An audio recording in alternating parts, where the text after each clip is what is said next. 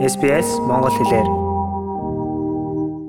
Австрали улс коронавирусын анхны тохиолдлоо 1-р сард бүртгэснээс хойш энэ жилийн дийлэгт нь коронавирусын мэдээ дамгааллаа. Гэвч австралчуудын хувьд вирус хэрхэн дамжиж буй болон илрүүлэлт, эмчилгээний талаар олон зүйлс асуултын тэмдэгтэй байна. Та тамхины утаагаар дамжуулж халдвар авдаггүй гэдэг нь яах аргагүй хариулт нэгсэн асуултуудын нэг юм. Филипп Руссо бол Монаш их сургуулийн сувилхан судалгааны тэнхимийн эрхлэгч, дэд профессор юм. Тэрээр тамхи татаж буй хүний дэрэгдүр зөрөхөд коронавирусээр халдварлах боломж бараг байхгүй гэж хэлсэн юм. Коронавирусын халдвар нь дуслын замаар дарахдаг гэдгийг хүмүүс мэдэх хэрэгтэй. Тиймээс халдвар авсан хүмүүстэй ойр байсан хүмүүс халдвар авах өндөр эрсдэлтэй. Вирус нь агаар жингүүдэн оршдог учраас бусдад халдварладаг гэж ерөнхийлөн ойлгож болохгүй. Харин вирусын халдвартай хүнтэй тамхи хувааж татах эсвэл асаагаараа хэрэглүүлсэн бол халдвар авах нь гарцаагүй. Викторийн мужийн иргэдийн хувьд даргалтыг зогсоохын тулд гэрээсээ гарах бүртээ амны хаалт заавал зүүх ёстой болж байгаа. Мөн шинэ өмнөд Вэлсийн засгийн газраас ч гэсэн бусдаас 1.5 метрийн зай барих боломжгүй нөхцөлд эсвэл эмзэг ангилалд багтах хүмүүст асрамж үзүүлэх, эрсдэл өндөртэй нөхцөлд аялах, ажилдаа явах үед амны хаалт зүүхийг хатуу зөвлөж байгаа. Амны хаалт зүүх хэсгээс уртаж олон нийтийн орчинд бусдаас зайгаа барьж явах ёстой гэдгийг дэд профессор Русо хэлж байлаа.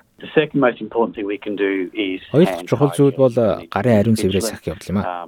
Тиймээс гараа байнга сайтар угааж байхад анхаарах хэрэгтэй. Амны хаалт нь таныг супермаркет гих мэд хүн ихээр цугулсан газар явахад нь нэмэлт урьдчилан сэргийлэх хэрэгсэл болж өгнө. Хамгийн гол зүйл бол бусдаас тогтмол зай барьж явах явдал юм.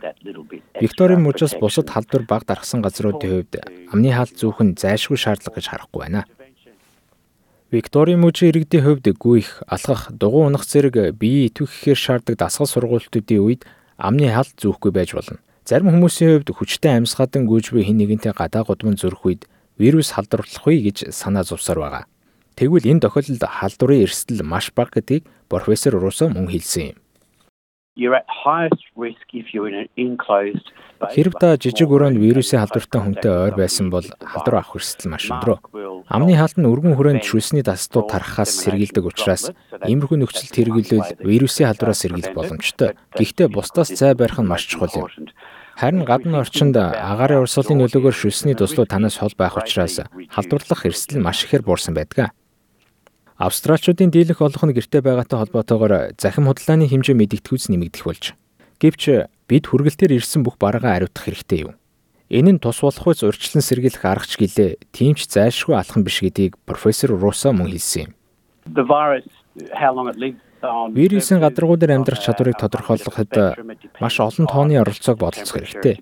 Агарын температур ямар байгаа, их хэмжээний шүүс дуссан, гадаргуу хуурай байсан эсэх гээд олон тооны хүчин зүйлсээс шалтгаална. Үүнээс шалтгаалж 5 минутаас хэдэн цаг хүртэл амьдрах чадвартай байна. Тиймээс хүргэлтээр ирсэн илгээмжээ арчиж байхад болохгүй зүйлгүй. Гэхдээ хамгийн гол нь эдгээр илгээмжүүддээ хүрсний дараагаар гараа угаах нь маш чухал юм. Австралчуудын хувьд бусдаасаа тогтмол зай барьж, гарын ариун цэврээ сахихын хажуугаар COVID Safe аппликейшнийг татаж авахыг сүүлийн хэдэн сарын турш холбооны засгийн газраас шавдуулж байгаа. Үүнийг вирусээр халдварсан хүнтэй ойр байсан хүмүүсийг мөшин илрүүлэх замаар цар дахлын тархалтыг зогсооход дэмжлэг үзүүлэхэд маш чухал хэрэгслээ гэж үзэж байгаа. Гэвч энэ үнэхээр биелээ олж байгаа гэж үү? Queensland өмнөд Австрали мужид халдвар авсан иргэдийн нэг нь ч уг аппликейшнийг татаагүй байсан төдийгүй баруун Австрали мужид дотоодоо халдваргүй байгаа нь энэ аппликейшны хэрэг гараагүйг харуулж байна. Викторийн мужийн эрүүл мэндийн ерөнхий мэрэгчлэлтний орлогч Эллен Ченги хийж буугаар энэ аппликейшн тэдэнд ямар ч мэдээлэл өгөөгүй байгааг нь. Одоогор бид нэг бол гэртээ, өгвөл ажил дээрээ байгаа болохоор хинтээ уулзнаа мэдж байгаа. Тиймээс энэ аппликейшнээр дамжуулан эрсдэлд байгаа хүмүүсийг нэмж илрүүлнэ гэсэн хүлээлт бидэнд болоо. Миний ойлгож байгаагаар аль хэдийн тогтоогдсон ойрын хавьтуудад ашиглагдаж байх шиг байна. Харин энэхүү аппликейшн нь шинэ өмнөд Уэльсд хэрэгэ гаргасан гэж холбооны эрүүл мэндийн ерөнхий мэрэгчлэлтний орлогч Ник Коустфорд хэлсэн юм. The app is clearly having an important effect. I mean Энэхүү аппликейшн нь маш чухал нөлөөтэй гэдгийг тодорхой юм.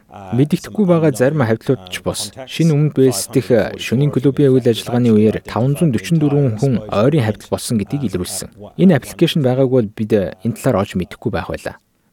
Коронавирусээр халдварласан тохиолдлуудын хувьд өвчлөлийн хүндрэл ямар байгаагаас шалтгаалж эмчилгээ нь харилцан адилгүй байна. Питер Вок бол Ньюкасл их сургуулийн эмчилгээ, нийт эрүүл мэндийн сургуулийн профессор, Джон Хантер эмнэлгийн ахлах мэрэгчлэн нэг юм. Тэрээр коронавирусээр халдварсан тохиолдлуудын дийлэнх нь гэрээр эмчилж болох ус байгаа бөгөөд 5-аас 15% нь л эмнэлэгт хэвтэн эмчлүүлэх шаардлагатай хүмүүс байгааг хэлж байлаа. Бидний асаргаа сувилгааны дийлэнх нь яг үнэндээ дэмжих зорилготой. Бид хүмүүст хүчил төрөгч залгаж, халуурах зэрэг шинж тэмдгүүдийг бууруулах, эсвэл маш муу байгаа хүмүүст тусламж үзүүлж л байгаа. Вирусыг шууд эмчлэх эмчилгээ хийхгүй байгаа. Эдгээрээс үл хамаарах нэг зүйл бол дархлаа дарангуулагчийн болох дексаметазоныг хэрэглэж байгаа явдал юм. Эмнэлэгт эвтэн эмчлүүлж хүчил төрөгч залгуулах шаардлагатай болж хүндэрсэн хүмүүсийн хувьд дексаметазоныг хэрэглэснээр өвчин нь хэр хүндэрсэн болон хэр удаан хэвтэн эмчлүүлж байгаас хамаарч үр дүн гарч байна. Харин эмнэлэгт эвтэн эмчлүүлж буй хүмүүсийн хувьд 5 хүн тутмын нэг нь л эрчимт эмчилгээнд ороход хүрч байгаа гэдгийг мөн профессор Вок хэлсэн юм. Хүчлөрөгчийн төвшин буурсан хүмүүст нэмэлтээр дэмжлэг үзүүлэх зорилгоор амьсгалын замын дэмжлэгийн аппарат ашиглаж байна. Харамсалтай нь хэд хэдэн хүний өвчин маш хүнд байгаагаас уушиг орлуулагч буюу химэл амьсгалын аппарат хэрэглэж байна. Ийм төвшөнд хүртлэх хүндрээд эдгэрсэн хүмүүсийн хувьд уушгиндаа хүнд гэмтэл авч байгаа бөгөөд урт хугацаагаар сул дорой байх ба нөхөн сэргийх эрчимт дэмжлэгээ шаардаж байгааг мөн тэрээр дурдсан юм. Хүндэрсэн хэлбэрийн амьсгалын замын өвчлөлийн улмаас эрчим тэмчилгээнд орсон хүмүүсийн хувьд уртсгсан хугацаагаар хэвтэн эмчлүүлэх хэрэгтэй төдийгүй нөхөн сэргийх явц нь 1 жилээс илүү хугацаа шаардах болно.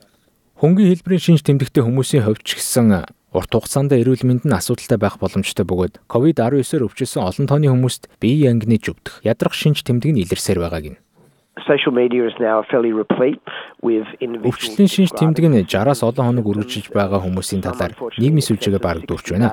Тэдний хувьд зочмогшууд халдвараас ангид халдварын шинж тэмдэг нь арилахгүй байгаа. Эсвэл шинж тэмдэг нь дахин илэрч байгаа бөгөөд өөрсдийгөө уртын тээгчд гэж нэрлэдэг байгаа. Мэдээж хэрэг энэ бол хүмүүс гарцаагүй сонирх сэдв хэдийж бид нар явцын дундаас суралцаар байна. 60-аас дээш хоногоор шинж тэмдэгтэй байгаа хүмүүсийн хувьд энэ байдал хэдий тооны хүнд хэр удаан үргэлжлэх, хүнд эрсдлүүлж байгаа вэ зэрэг олон асуултууд байгаа. Гэвч одоогоор бидэнд мэдж байгаа зүйл алгаа.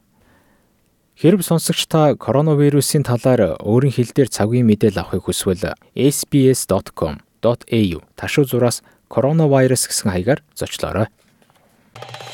Австрали улсад амьдарч эхлэх гэж байна уу? Хэрэгтэй мэдээллийг sbs.com.cg-ийн урагшаа зураас Mongolian хуудасаас хүлээн авах нь